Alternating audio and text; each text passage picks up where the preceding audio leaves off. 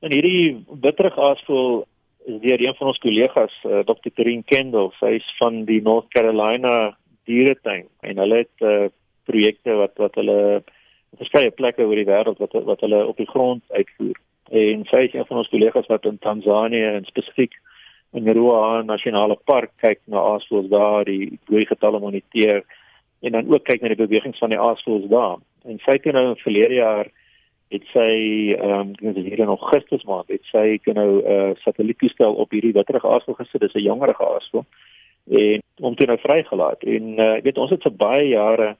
uh, is daar geglo en ek dink as jy na van die ouer publikasies gaan kyk dan uh, weet dit van of jy sê die witterige aasvoël in Suidelike Afrika en die witterige aasvoël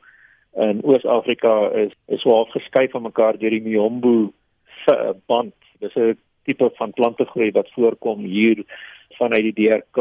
deur meeste van Zambië en dan in sentraal Mosambiek.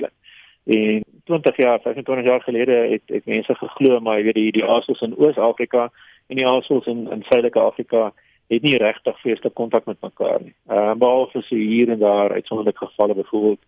die Rupelse aasvoël wat nou hier in beweeg het in Suid-Afrika en die ene wat nou onder andere by Blouberg asook kolonie op 'n gereelde basis gesien word. Maar wat witter aasvoëls betref, was daar geen duidelike bewys van beweging tussen Oos en Suidelike Afrika nie. En met die werk wat ons nou doen en en wat sy in Oos-Afrika doen en wat ander kollegas daar doen, is ons besig om te kyk na waar die bewegings reg oor die kontinent is as gevolg van hierdie breër strategie vir die bewaring van aasvoëls. So wat het hierdie data dan nou vir julle bewys? Wat toe nou gebeur het is binne 3 maande het hierdie aasvoël van Tanzanië af gevlieg in Zambië in. Uh tyd spandeer in die drie groot nasionale parke in Zambië en toe afbeweeg uh, in Botswana en toe in Zam uh, toe in Zimbabwe